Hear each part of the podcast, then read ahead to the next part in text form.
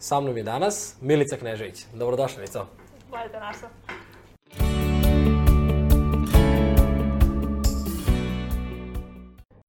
Hej ljudi, Ivan Kosogor ovde i pre nego što odslušate podcast epizodu koju ste odlučili da slušate, želim samo da vas pozovem da ukucate na Google www.ivankosogor.com, posjetite moj sajt i vidite najnoviji kurs o samopouzdanju. Zaista ovu priliku ne želite da propustite ako imate osjećaj da nemate dovoljno samopouzdanja u bilo kom polju. Da li je to polje, možda studirate nešto i ne znate da li je to to, možda želite da promenite posao, možda želite da poboljšate veze i odnose sa svojim partnerom, bilo šta da je u pitanju. Ja znam kako da izgradite prirodno samopouzdanje. Kurs se zove Nova prizma samopouzdanja. Dakle, pre nego što oslušate epizodu, na www.ivankosogor.com i proverite o čemu se radi. Uživajte. Ćao! Milice, dobrodošla. Pre svega moram da ti kažem da, za te kako mi se sad promenio glas, kao ono voditelj, Znači ja stop, ne, ne možeš koliko puta kažem neću nikada da glumim kao voditelj i sad krene. Ali ovaj, za tvoju priču znam već neko vreme. I Svaki put kad vidim post neki na Facebooku, ja pomislim, hoću se javim ovoj osobi. Samo da je kažem ono, hvala ti. Hvala ti za to što, i ovu priliku i hoću da iskoristim, da ti kažem hvala ti za to što svojim primerom, zaista, svojom hrabrošću, svojom snagom o kojoj želim da pričamo, rušiš apsolutno sve moguće izgovore koje bih ja mogao, ja sad ti se zahvaljujem u svoje ime, sve moguće izgovore koje bih ja mogao da kažem, koje bih mogao da izmislim, o kojima bih mogao da razmišljam.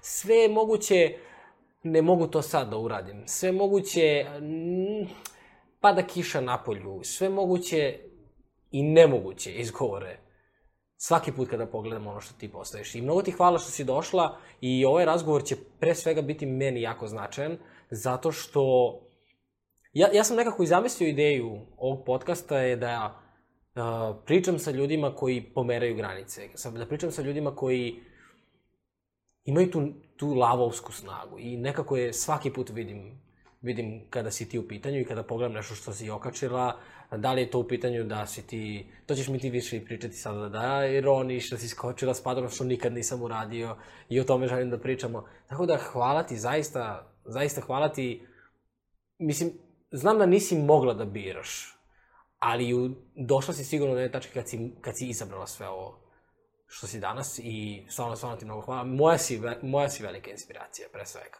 Hvala tebi, pre svega na pozivu, onda i na svim ovim lepim rečima i pohvalama. Pa, drago mi je to prosto da i moj život i sve ono što radim inspirišu ljude i da ih motivišu i stvarno Eto, puno mi je srce kada je tako. Jel da, pa, mislim, ti deluješ stvarno, sad kad si ovo rekla, da sam pozvala očara sam kako ti nešto kažeš, stvarno.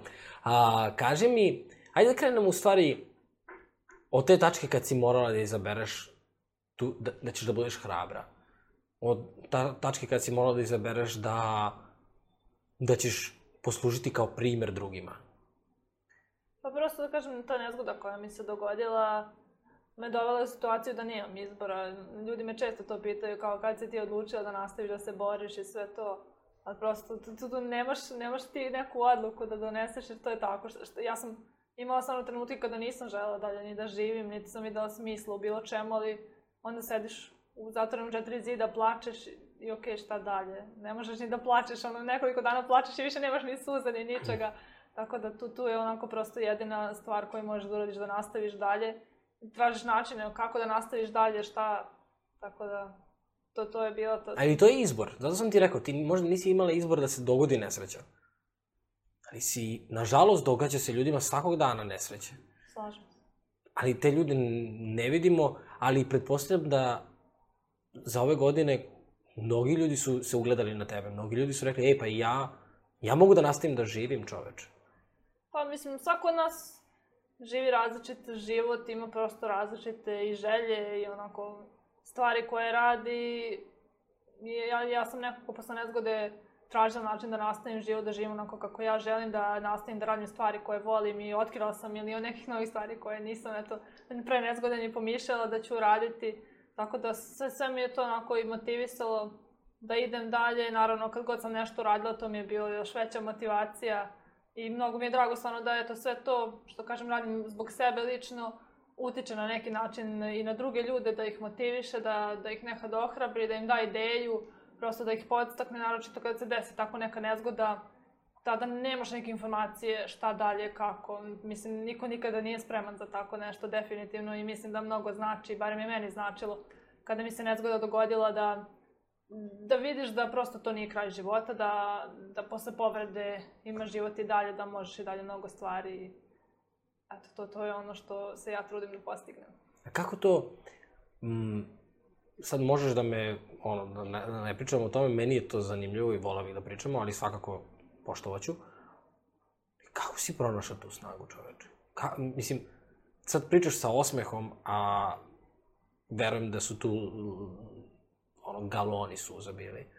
I ne, ne mogu ni da zamislim kroz šta, šta si sve to zamišljala tada, ali kako si našla da kažeš, ej, hoću da uradim milion ovih stvari o kojima nisam ni razmišljala. Jesi svesna da si to izgovorila sada?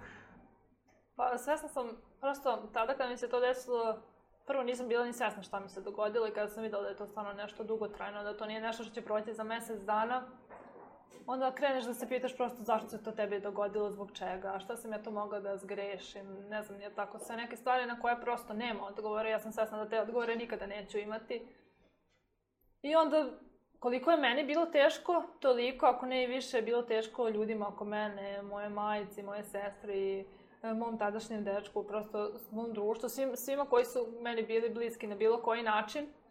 I nekako, kada bih ja plakala, znala sam da to mnogo gore utiče još na njih, da je njima još teže. I onda sam bukvalno se terala da bilo što, da se osjećam bolje. Da znala čim ja imam osmeh na licu da to njima daje opet i da. neku snagu, da se oni malo bolje osjećaju. Mislim da uz njihovu podršku prosto sve to nekako išlo zajedno da, da, da sam krenula, da kažem dalje. Da sam krenula da nađem način da se vratim u srednju školu, da je završim jer sam u srednjoj školi imala nezgodu da prosto izađem iz kuće, da prošetam sa društvom, neke naj, najosnovnije stvari. I onda kada to krene jedno za drugim, nekako se to tako, tako razvijalo. Pa dobro, ali, znaš kao, sad dok pričaš, ja samo zamišljam, pošto si rekla tu u srednjoj školi, samo zamišljam taj šok. Taj, t... za tebe se ceo svet promenio. Apsolutno, da. Mislim, ja, ja sam bila dekašica pre nezgode i onda se nađete u situaciji da ležete u krevetu, ne možete ništa osim da pričate i da trepćete.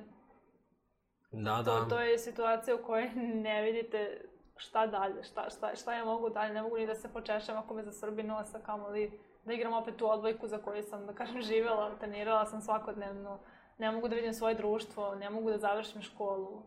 I mislim da je najgora stvar što u tim trenucima najčešće nemate nekog ko će doći da razgovara sa vama u smislu ne oporavka, ne toga da li ću ja hodati, ništa tako, nego samo da vam kaže ok, desilo se to, ali postoji život posle toga, postoje načini da se ti vratiš u školu, da nastaviš normalno, da funkcionišeš, da, da uradiš šta god želiš da uradiš, sad više nije ni bitno da li je to škola, posao, porodica, šta god. Šta bi ti sad, evo sad kad pričaš o ovome, šta bi ti sad rekla nekome ko je možda u tvojoj situaciji ili nekoj sličnoj situaciji ko misli da ne može To mi je, to bih volao da čujem. Šta bi, šta bi sad rekao iz ove perspektive, jer sad već imaš ozbiljne rezultate, ti si postigla više nego 90% ljudi na planeti. Pa uradila si stvarno više stvari. Ja verujem da nije skočilo više od 10% ljudi pa padobranom. Ali si uradila neke druge jako humane i jako a, predivne stvari. Šta bi ti rekla tim ljudima sad? Koja, to, koja bi to poruka bila nam? Pa prva stvar jeste da ne odustaju od sebe Mislim da je to jedna od najvažnijih stvari, jer kad mi dignemo ruke sami od sebe, mislim da nam niko onda sa strane ne može pomoći. Koliko god moja majka htela nešto dobro za mene, moja sestra kogod, ako ja to sama ne želim, ne, ne, ne, nema tu nikakvog ni napretka, ni ničega. I druga stvar jeste da do, dođe uvek bolje vreme, da prosto život jeste i dobro i loše i meni se i sada dešava, dešava milion i loših stvari nekada iz kojih ni ne vidim izlaz ni šta dalje, ali uvek se setim toga da postoji nešto bolje, da postoji ono što je vredno da nastavim dalje, tako da to je, to je ono što i govorim svima i sama sebi kad dođem da kažem u tako neke situacije. Prosto, Sad da sam da vidim, šta govoriš ove... sama sebi, čoveče? Pa upravo to, Aha. prosto kao i, kao i svakoj osobi nađe trenutak kada mi je teško. Da li zbog ispita na fakultetu, da li prosto, ne znam, nije mi dan, da li se nešto dogodilo. Više nisu ni važni razlozi, ali stvarno nekad to budu ozbiljne stvari, nekad ne. I znam da ono, ok, sada je loše, ali doći ono dobro, isto tako znam da i kada je dobro desit će se opet nešto loše, prosto to je da kažem... To je sled, život. Sled u životu i da, da, to, da, da. to je tako kod svih nas. Tako da ja, ja, ja trudim se da se okrenem ka tom boljem, da, da nađem, ok, danas mi je nešto to loše, ali ajde što mogu da uradim dobro i to je ono što mene pokreće i motiviše. Posebno, znaš, ono kao predivno, stvarno. Zato što mm, ovo što ti pričaš, to ne možeš da pročitaš nigde. To tvoje iskustvo samo ti razumeš. I zaista, zato mi je, zato mi je predivno, zato mi je ono kao, voleo bih da pričam o izgovorima. U smislu, kako danas, a evo stvari ovako, kako danas vidiš život svoj? Kako, kako ceniš život? Pa mislim da je povreda mnogo uticala na i na, na to kako gledam život i na to kako gledam mnoge stvari. mo, prosto bila sam prinuđena da odrastem, da kažem brže možda nego što su to moji vršnjaci, jer sam imala nezgodu sa 15 godina. I prosto naučila sam da cenim svaki sekund koji imam na ovoj planeti, da kažem u ovom životu uopšte, jer sam videla da u jednoj sekundi prosto sve to može da se završi, da sve ono na što ste navikli i što uzimate zdravo za gotovo, u jednoj sekundi kada prosto to ni ne očekujete, ono, može da se završi, možda da ostanete bez toga.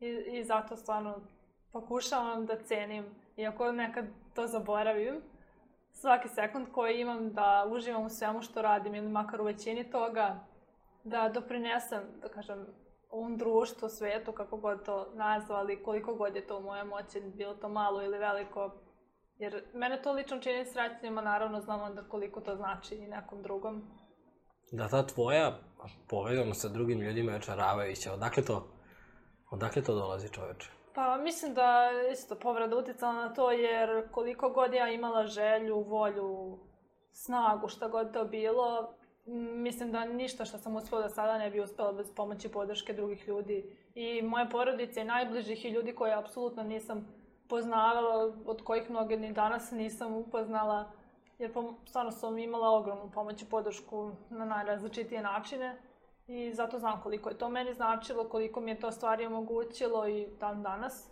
mi to pomaže, tako da se ja trudim da na neki način se odužim i da kažem vratim sve to što sam ja dobijala i što dobijam od drugih ljudi. Šta su to divne stvari koje si radila? Ajde sad da počnemo da pričamo o tvojim karijerama, tvojim sportskim poduhvatima, tim nagradama. To mi je bilo jako zanimljivo, stvarno. Znaš, zato što imaš gomilu ljudi koji apsolutno nemaju ni jednu prepreku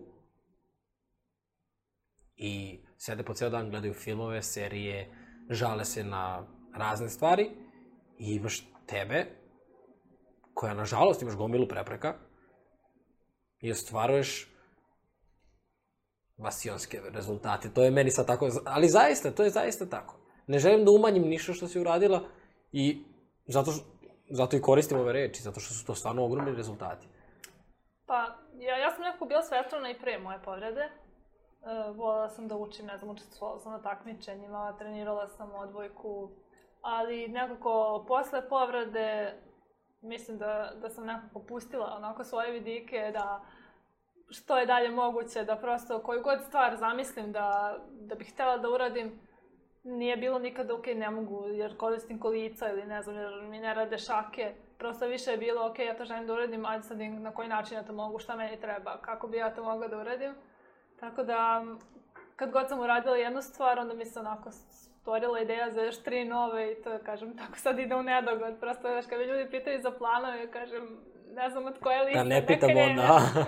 Tako da sve je to nekako išlo jedno za drugim. Kakav je osjećaj skakati padobranom? To je to... Pa- meni najfascinantnije, tako da... To to me baš dosta njih. Jel da? Ja, ja kažem, da, da. Zato što je to svačija želja, ja mislim da nema ljudi, yes. čovjeka koji bi rekao... Možda i neko ko kaže, ma neću da skačem, i u fazonu plašem se da skačem, znaš. Ja, ja se iskreno i plašim, ali bih skočio. Pa, neke stvari u životu možeš da doživiš da znaš kakav je osjećaj. Jel da? Skok padobranom je definitivno jedna od tih stvari. Koliko god ja tebi sad pokušavala rečima da objasnim, no mogu da ti prenesem to što sam osjećala u tom trenutku, stvarno jedno fenomenalno iskustvo i svakako preporuka svakome ko, ko želi to da proba, da, da nema razloga da ne. Cool. Jer jeste onako neka stvar koju većina ljudi ne, ne doživljava svaki dan. I prosto jeste onako baš, baš adrenalinski i stvarno sjajno iskustvo. Predivno. Sad si došla, snimala si reklamu, to si mi rekla. Uh mhm. -huh. A, pričaj mi šta, šta sad hoćeš da... Koji je sad tvoj viši cilj. Mislim, definitivno da je nesreća uticala na to da se zapitaš šta je tvoj život, kuda ide i tako dalje. I šta, šta hoćeš sad da uradiš? Pa ja sam diplomirala pre dve to nedelje, ne pune dve nedelje, to sam tako video. da sad je plan da upišem master studije. Uh, uporedo sam radim jer sam se zaposlila još od toga studija, tako da je plan neki da se razvijam u karijeri, prosto u toj sferi za koju sam se školovala i da radim posao koji volim, jer stvarno volim svoj posao. A naravno, pored toga, ja treniram atletiku i zaista se nadam da ću uspeti da ostvarim neke značajnije rezultate u tome, prosto to je cilj, ono, to mi idu svi treninzi. Verujem da hoćeš. A, što se kažem, tiče nekih, opet treće strane, jeste to što ja stvarno volim da Kažem da, da, da uradim kako god promenu moguće, jer, jer znam da u, u Srbiji postoje mnogo stvari koje treba da se promene i koje moraju da se promene i želim da budem deo toga koliko god to vano bilo, jer znam da je opet to značajan korak. Tako da ima tu nekih raznih planova sad, da vidjet ćemo šta će od toga uspeti da se realizuje. Bože, znaš ono, da kad smo se dopisivali i kad smo se dogovarali, sve mi je to bilo cool. I onda sam razmišljao, da, znaš, kako će naš razgovor teći? Ti si toliko vedra osoba, toliko nasmejana, toliko, stvarno, ja, ja uživam, znaš, kao, prosto me zanima me, mm, ja imam tam, mnogo stvari me zanima, da znaš, samo prosto da, da doživiš i ko sam ja. I ja tako volim da ispitujem. Zanima me šta bi ti rekla? To jest, ajde ovako, sorry. Milica koja je bila nakon nesreće i sada kad bi pričale, šta bi je rekla? Pa, prva stvar sigurno da, da se snovi ostvaruju. Jer u tim tinejdžerskim danima mnoge stvari vam deluju i crno i teško, koje su generalno, ne mogu da kažem nebitne, ali nemaju tolikog značaja i prosto tada pridajemo onako pažnju nekim stvarima koje su prolazne, koje na kraju krajeva sigurno ćemo prevozići ranije ili kasnije i da prosto mi imamo mnogo mogućnosti da je čitav svet pred nama, samo ako mi to želimo. Mislim, svaka osoba se susreće sa nekom poteškoćom, kakvom. mislim, ne mislim to samo na invaliditet, nego generalno. Prosto tu je problem sa novcem, problem, ne znam, sa roditeljima, sa... Mili, mislim, može nabrojati šta god, ali mislim da uvek postoji način da, da nađemo da nađemo, da kažem, način da se izborimo za sebe, da se izborimo za ono što želimo, da prosto to nisu stvari koje definišu nas. Aha. To je dobro. To nisu stvari koje definišu nas. Slažem se, jer vrlo često ljudi invaliditet poisto većuju sa mnom. Ja kažem, ja nisam u invaliditet, invaliditet jeste deo mene, svakako, i utiče na milion stvari u mom životu, ali to nije ono što sam ja prosto... Kako si to saznala? Šta tačno? to upravo sa što si rekla. Da, da ljudi to tako vide? Ne, Ili da, da to nije jel, si, jesi nekada doživjela sebe kao ja sam invalid, ja ne mogu da radim mnoge stvari? Jel bio taj iskorak, ja mogu da uradim sve što želim? Pa sigurno da posle povrede je bilo takvih trenutaka prosto kad e, pro fizički nisam mogla ništa samostalno da uradim apsolutno ništa i tada onako, stvarno nisam videla svrhu uopšte, šta, šta ja sad, kao, ne, ne mogu ništa, tako da, ali mislim da je to generalno kako, kako je prolazilo vreme, kako sam ja prihvatala sve to što mi se dogodilo, da je to prosto tako kako jeste i da mogu da probam samo nešto da poboljšam ili ne. Da, da tada prihvatite da mm, invaliditet sam po sebi nije nešto da kažem, nešto što ja sad želim da odbacim od sebe, sa čim, da ne želim da me ljudi vide kao osobu sa invaliditetom, jer on, istinski ja, ja jesam osoba sa invaliditetom i to je, u mom slučaju je to očigledno. Ovaj, ali definitivno to nije samo što ja jesam, jer ja definitivno jesam mnogo više od toga. Kako je to, da, da.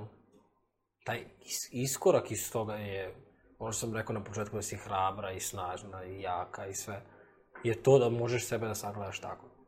Znaš, imaš...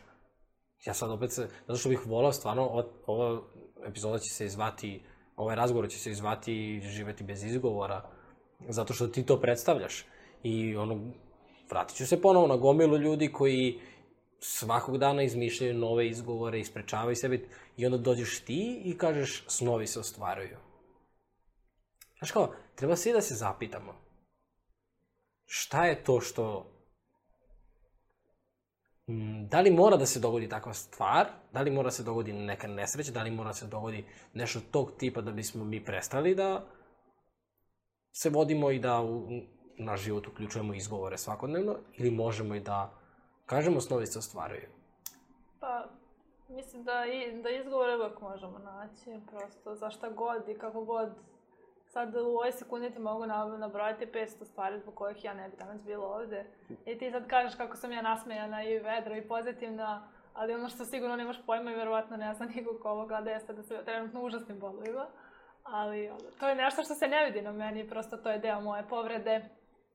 Pre ovoga sam imala snimanje, došla sam ovde jer sam želela da uradim te stvari i naučila sam i kroz ovu povredu i kroz sve ono što radim da da prosto sve te izgovore koje spominješ, ne vredi da se oslanja na njih, da to koristim za nešto što ne radim, jer na kraju će se sve svesti na to da nešto nisam uradila zato što nisam htela. Aha. Tako da ne, ne želim da dozvolim sebi da ja budem ta koja će zaustaviti sebe i u svom životu i u stvarima koje želim A da uglavnom da sami sebe i zaustavljamo. Naravno. Mislim, postoje naravno tu utica drugih ljudi i različitih okolnosti, ali većim delom mislim da smo mi sami da, odgovorni da, za svoj život. Bože, znači kako je ovo, ovo moraju svi da gledaju stvarno. Ovo stvarno mora svako da vidi. Bez šale, zato što je to jako važno. Kako je izgleda tvoj dan? Ne današnji dan, danas Dobro. je zvezda, danas je... Ali kako danas izgleda tvoj... Da, da. Kako izgleda tvoj dan? Uh, pa zavisi ovaj, do, eto, do, do pre nedelje, dve nedelje sam bila i student i zaposlena sam bila, tako da je to baš bilo onako, na, mislim, bilo je naporno jer je trebalo uskladiti studije sa poslom, ali uglavnom sada već, da kažem, odlazim ujutru na posao, radim 8 sati, e, posle toga tu su da li treninzi, da li moje društvo, da li pisanje nekih stvari za moj blog koji zapostavljam poprilično često. Tako da, mnogo stvari radim i ne, nekad mislim da preterujem, nekad mi stvarno bude teško i fizički i više onako baš se izmorim, ali onda pauziram jedan dan i već, sam, već mi onako dosadno moram nešto da radim, tako da nekad je teško da uskladim sve, jer stvarno nekad onako, znam, da, svesna sam da umem da preteram, da prihvatim previše stvari, ali na kraju sam uvek, uvek srećna što, eto, što ostvarim opet sve to što želim i što nalazim stalno neke nove izazove. Pa, predivno. Možeš da mi kažeš koji je sledeći izazov koji imaš? Koji je sledeći? Pa evo da upišem master, pošto još uvek nisam. Jel da, super. Tako da to eto. Jel znaš već koji ćeš master i sve? Ne. Šta radiš? pa definitivno će biti nešto u vezi onoga što sam studirala, jer sam studirala softversko inženjerstvo. Mm -hmm. Tako da master će biti usko vezan za to. Sad A, pa još dobro, uvek imam neke opcije oko kojih se premišljam, ali Ko ti je najveća podrška? najveća Što, podrška? Kad možeš da ubiš master? Pa mislim da je rok negde, narednih mesec dana. A, pa dobro, To ćeš ti to. Ko ti je najveća podrška za sve stvari? Pa najveća podrška su definitivno moji najbliži ljudi, to su moja sestra, moja baka, moja majka i moj verenik, tako da oni su ljudi koji su stalno uz mene, koji me podržavaju na svakodnevnom nivou koji mi pomažu, tako da oni su definitivno mhm. najveća podrška, naravno tu su moji prijatelji, onako da svi ostali ljudi, ali njih četvoro ko neko ko mi je najbliži. Mislim, glupo je da pitam koliko ti je bila važna podrška, ali si nekad mislila, u stvari ne, koliko si sebi najveća podrška? Koliko si sebi podrška u celoj ovoj priči? Pa mislim da sam mnogo podrška i sama sebi, jer na kraju dana, onako kad kažem ostanete sami sa sobom, to je onako možda i najteži moment, jer e, dok si ti u pokretu, dok stalno nešto radiš, ni nemaš vremena da razmišljaš ni o nekim lošim stvarima, ni o bolu, ni o čemu god, ali onako kad se taj dan završi, kada si sam sa sobom, naročito u tom početnom periodu posle povrede, sam imala teške borbe sama sa sobom, prosto bilo je trenutak kada onako samo, samo plačem od očaja, ne, ne znam više ni koji su razlozi i zašto plačem, ali je, ali je bilo tako i onda kad nekako nađete mir sami sa sobom, mislim da je to onako jako Kako? važno. Kako si našla mir?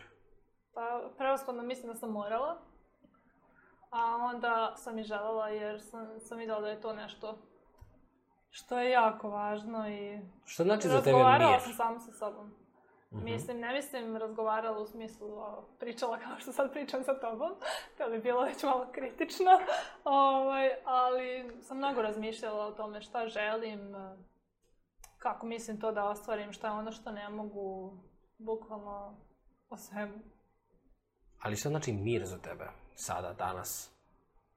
Mislim da za mene je mir prosto da sam zaista srećna sama sa sobom. Ja mogu sad da sedim ovde ispred ove kamere, ispred tebe da kažem, jao, ja sam super srećna, ali je, mislim da je bitno ono što ja zaista osjećam u sebi.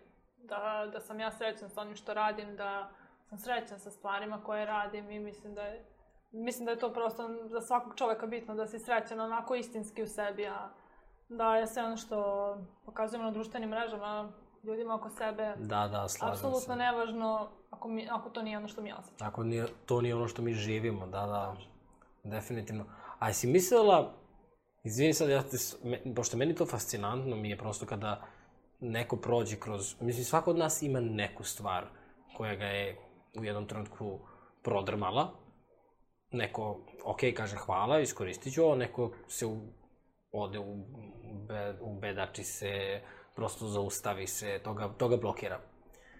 Jesi nekad mislila da ćeš moći da kažeš, e, pa ja sam istinski srećna i zadovoljna onim što radim? Pa mislim da je to nešto čemu svi težimo sad je pitanje da li, da li ćemo dotle da stići ili ne. Ali... Kako si znala da si stigla? Ajde to, možda je neko i srećan sad gleda i, i ne znam da je srećan. Kako, kako si znala da si, da si stigla do dotle? Pa mislim da su to bili trenuci baš kada ostanem sama sa sobom i kada vidim da se onako od srca nasmejem kada pomislim šta sam sve postigla tog dana, tog meseca, te godine, kako god. Aj sad mi kažeš šta da si sve postigla.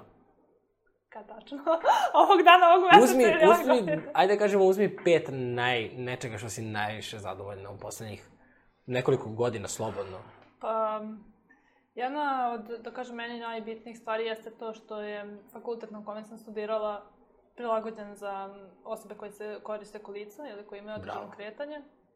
Tako da je to jedna od stvari na koje sam najponosnija, jer srednju školu sam morala da završim vanredno, jer je ona bila potpunosti nepristupačna i tad, kažem, nisam ni razmišljala da imam neka prava, niti bilo šta, prosto je bilo tako kako moram, teglili su me u stepenice, dovodili na ispite koje sam sama pre, pre, pre, pripremala kući.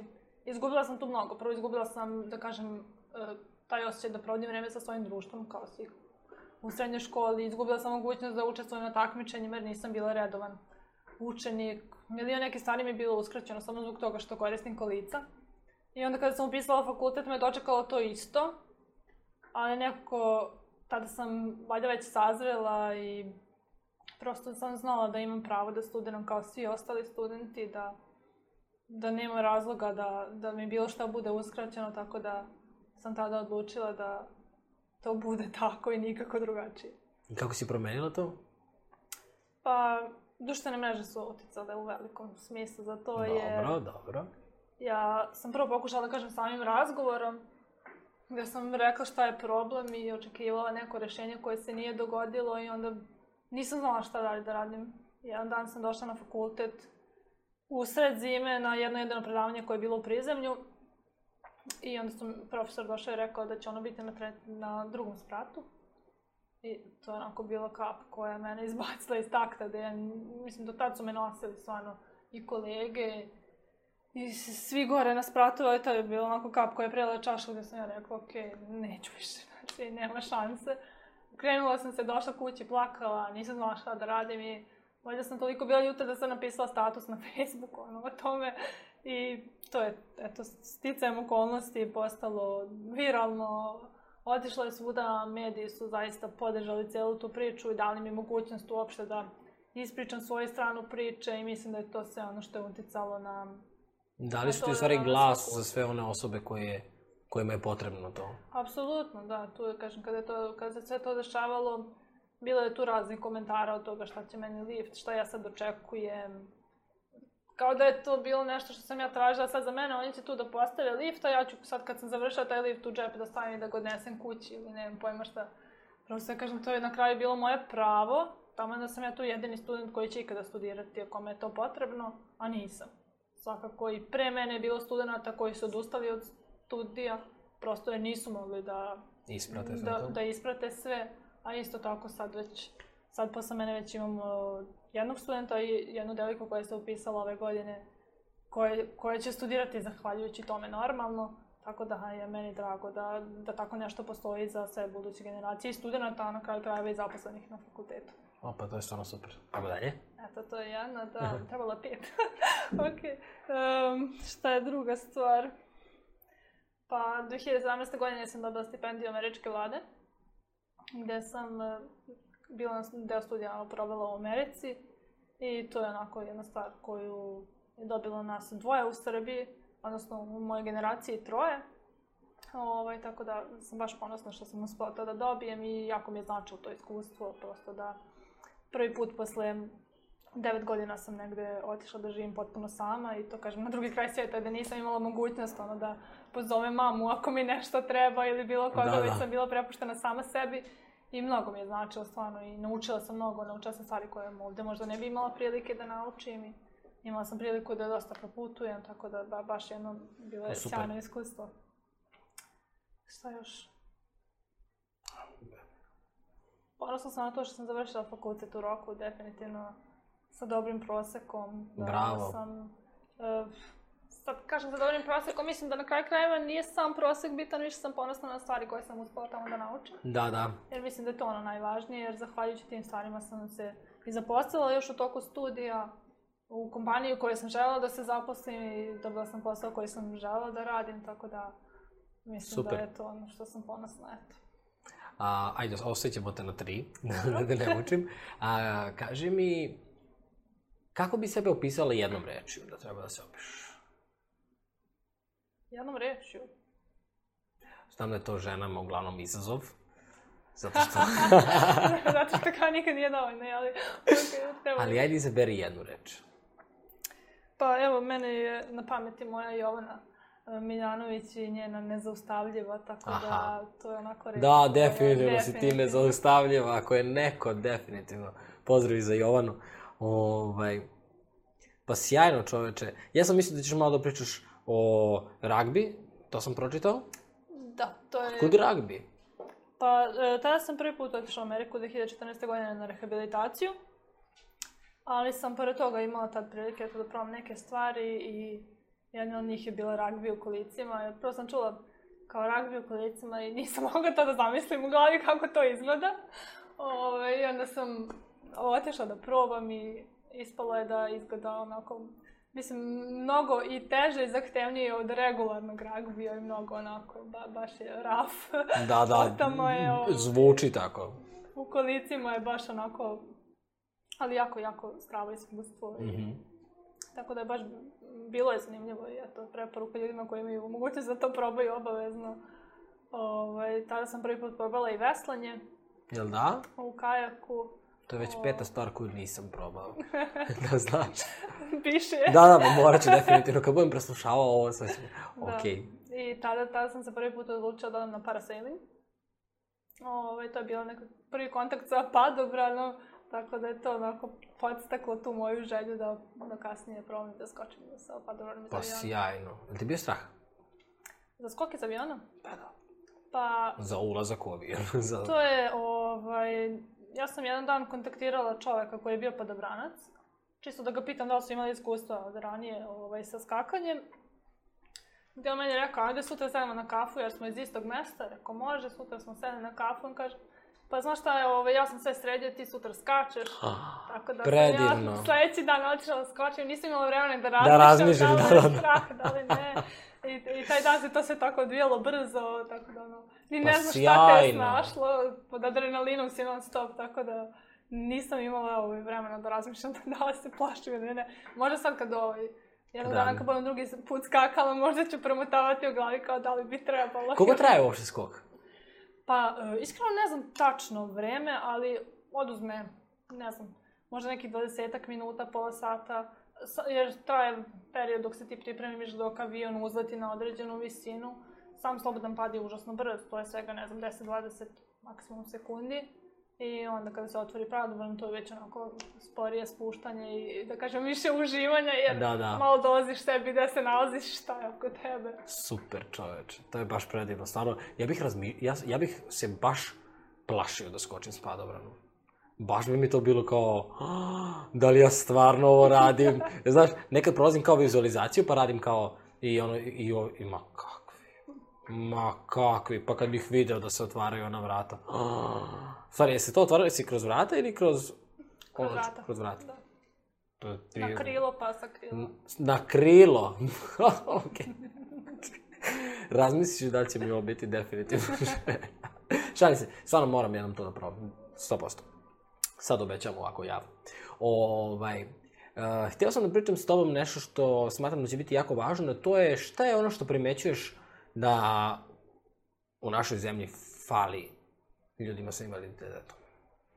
Šta je ono što, na što bi volao da skreneš pažnju, ej ljudi, kao što si uradila stvar za liftu na fakultetu? Pa to je jedan primer prosto nečega što je potrebno ne samo na jednom fakultetu Naravno, u Srbiji, da. nego na većini, ne, neću reći svim, ali na definitivno većini fakulteta i uopšte škola, i srednjih i osnovnih škola, one su gotovo apsolutno nepristupačne, a mislim da je obrazovanje jedna od ključnih stvari u životu za sve dalje, prosto za normalan život, za zaposlenje, za osnivanje porodice, za bilo šta. Komunikaciju Tako da zanima. Da. mislim da je obrazovanje najvažnija stvar koja je u mnogome uskraćena nepristupačnošću, a opet sa druge strane ta nepristupačnost se onda prostire na sve ostalo. Običnu šetnju gradom, odlazak na kafu, odlazak u prodavnicu, odlazak od lekara, Kako misliš da to može da se reši? Jel imaš neke ideje?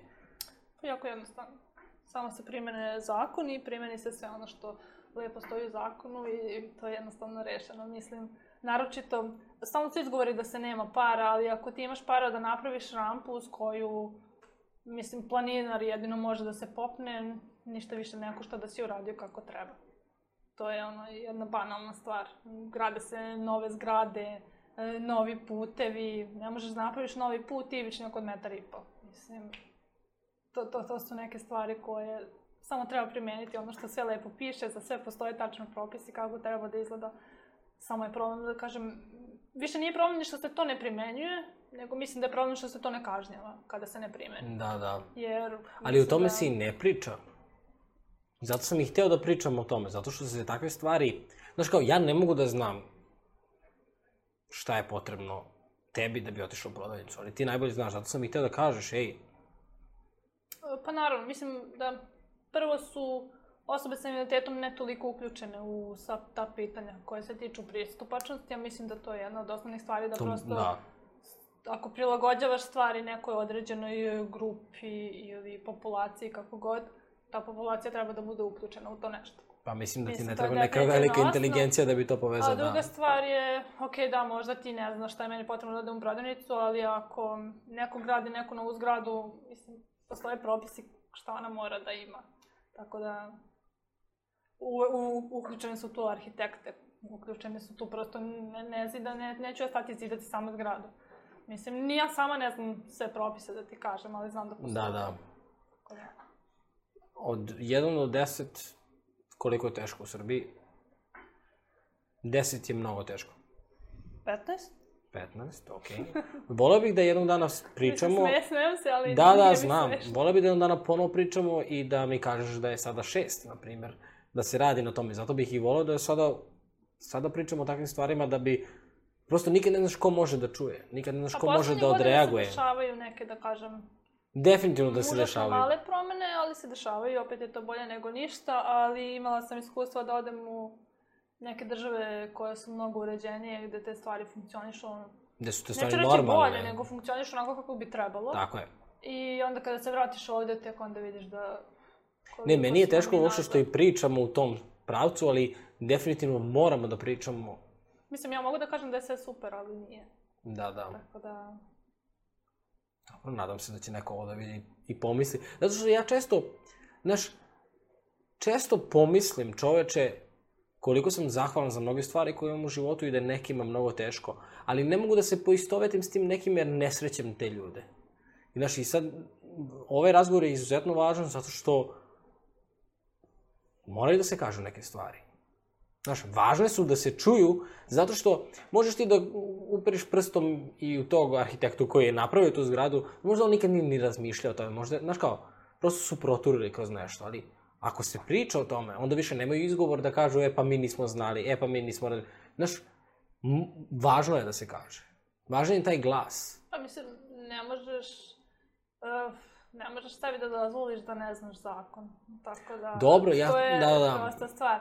A druga stvar je da jesi u pravu što se tiče našeg samog glasa, da do da nekle i mi jesmo odgovorni, da mislim da ne, ne, ne možeš da ne možeš da pustiš da, da te neko pod znacima navoda ili ne, ugnjetava, da ti oduzima prava, da, da prosto te ne tretira jednako i da ćutiš na to. Mislim da je to velika Tako greška je. i da... Ali ja i verujem da ima divnih ljudi koji će pogledati i čuti i reći, e, ajde nešto da uradimo.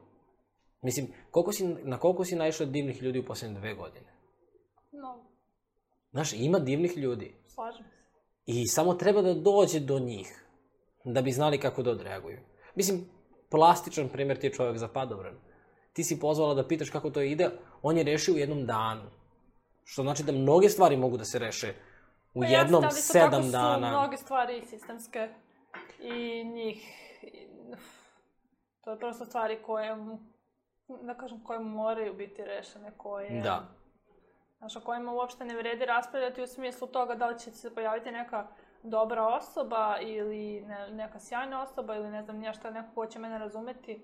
Mene ne treba niko da me razume da je moje pravo da ja studiram normalno. Da, da. Znači, ne treba meni Koji ne, paradoks, da, da. super čovek, nebitno da li on zaposlen na fakultetu, neko će mene da potapše pod rame i kaže, e, ajde, ja ću da ti platim rampu. Ne, to je obaveza fakulteta da bude pristupačan svima. I kraj.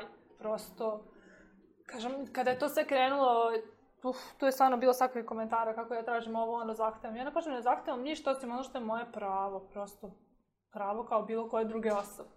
I da, mislim da, da, da. da ta, to je jedna od stvari koje, kažem, tu, tu ne bi trebalo da postoji nikak, nikakav znak pitanja. Ali, nažalost, moramo da ga stavimo sada moramo da kažemo, ej, ljudi, razmislite malo. Šta bi rekla? Na šta? Za to što, šta, šta ti sve potrebno. Pa, što se mene lično tiče, to je, mislim, meni je najveći problem definitivno pristupačnost.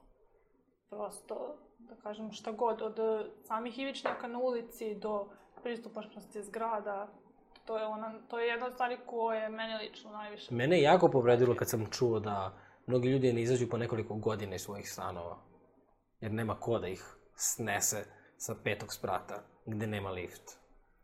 Jeste, ja sam imala užasno veliku sreću da sam oko sebe imala ljude koji mogu da mi pomognu i koji žele da mi pomognu, kada mi se sve to dogodilo i dan danas. Ali isto tako znam da mnogi ljudi nemaju tako nešto, odnosno tako nekoga i da ti onda, ja mislim, mogu da budem na petom spratu bez lifta i da kažem ja imam ogromnu želju da ja siđem do...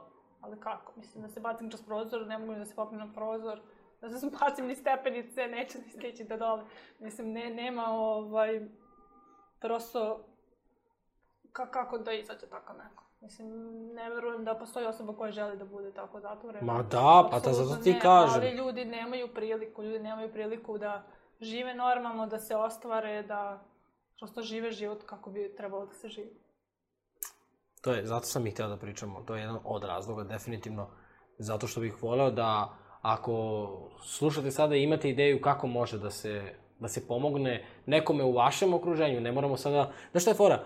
Voleo bih da ovaj razgovor bude inspiracija ljudima i da kažu, ej, možda ja ne mogu da pomognem svima u Srbiji, ali mogu da pomognem mom komšiji za koga znam da, je, da mu je teško.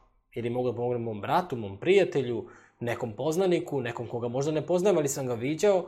Znaš, prosto jedna mala stvar može da, da promeni mnogima život. I vola bi da, da to bude ovaj... Ili ima nešto što te nisam pitao što si htjela da kažeš? Hm. hm. Reci to. Ha. Pa ne znam. Razmisli dobro. Ili što važno da hoćeš sada baš da iskoristiš priliku. Pozdraviš nekoga. Ne. Znaš ono kao, ako si sećaš onog Izija, znaš ono na TV ili Hugo, kao pozdravim mamu, tatu, seku, batu, sve Koji vas u studiji, da. pa ne znam da nešto da me nisi pitao. Ja sam dosta stvari pitao. I hvala ti puno na svim odgovorima. Mnogo mi je bilo divno. Znao sam da će nam biti... Znao sam da će ići razgovor u nekim ovim pravcima, zato što mi je prvenstveno meni lično bilo važno da se tvoja poruka čuje, da se zna da nije, da je od 1 do 10 da je 15, da se zna da ima dosta prostora za rad. Ja verujem da će naići možda ova emisija nađe na jednog čoveka koji će naći na tri čoveka, koji će naići na deset, čoveka, na, na deset ljudi. Znači, prosto bih voleo da stvarno da ima nekog efekta i mnogo ti hvala zato što svojim primjerom, kao što sam i, i, i početku rekao, zaista inspirišeš da, da ne postoje izgovori. I ja svaki put video sam i da si diplomirala i pomislim, Bože, svaka je čast. Znaš kao, stvarno ti neki, tim nekim svojim delima pokrećeš druge i želeo sam to da ti kažem i mnogo ti hvala što si došla. Ništa, hvala tebi.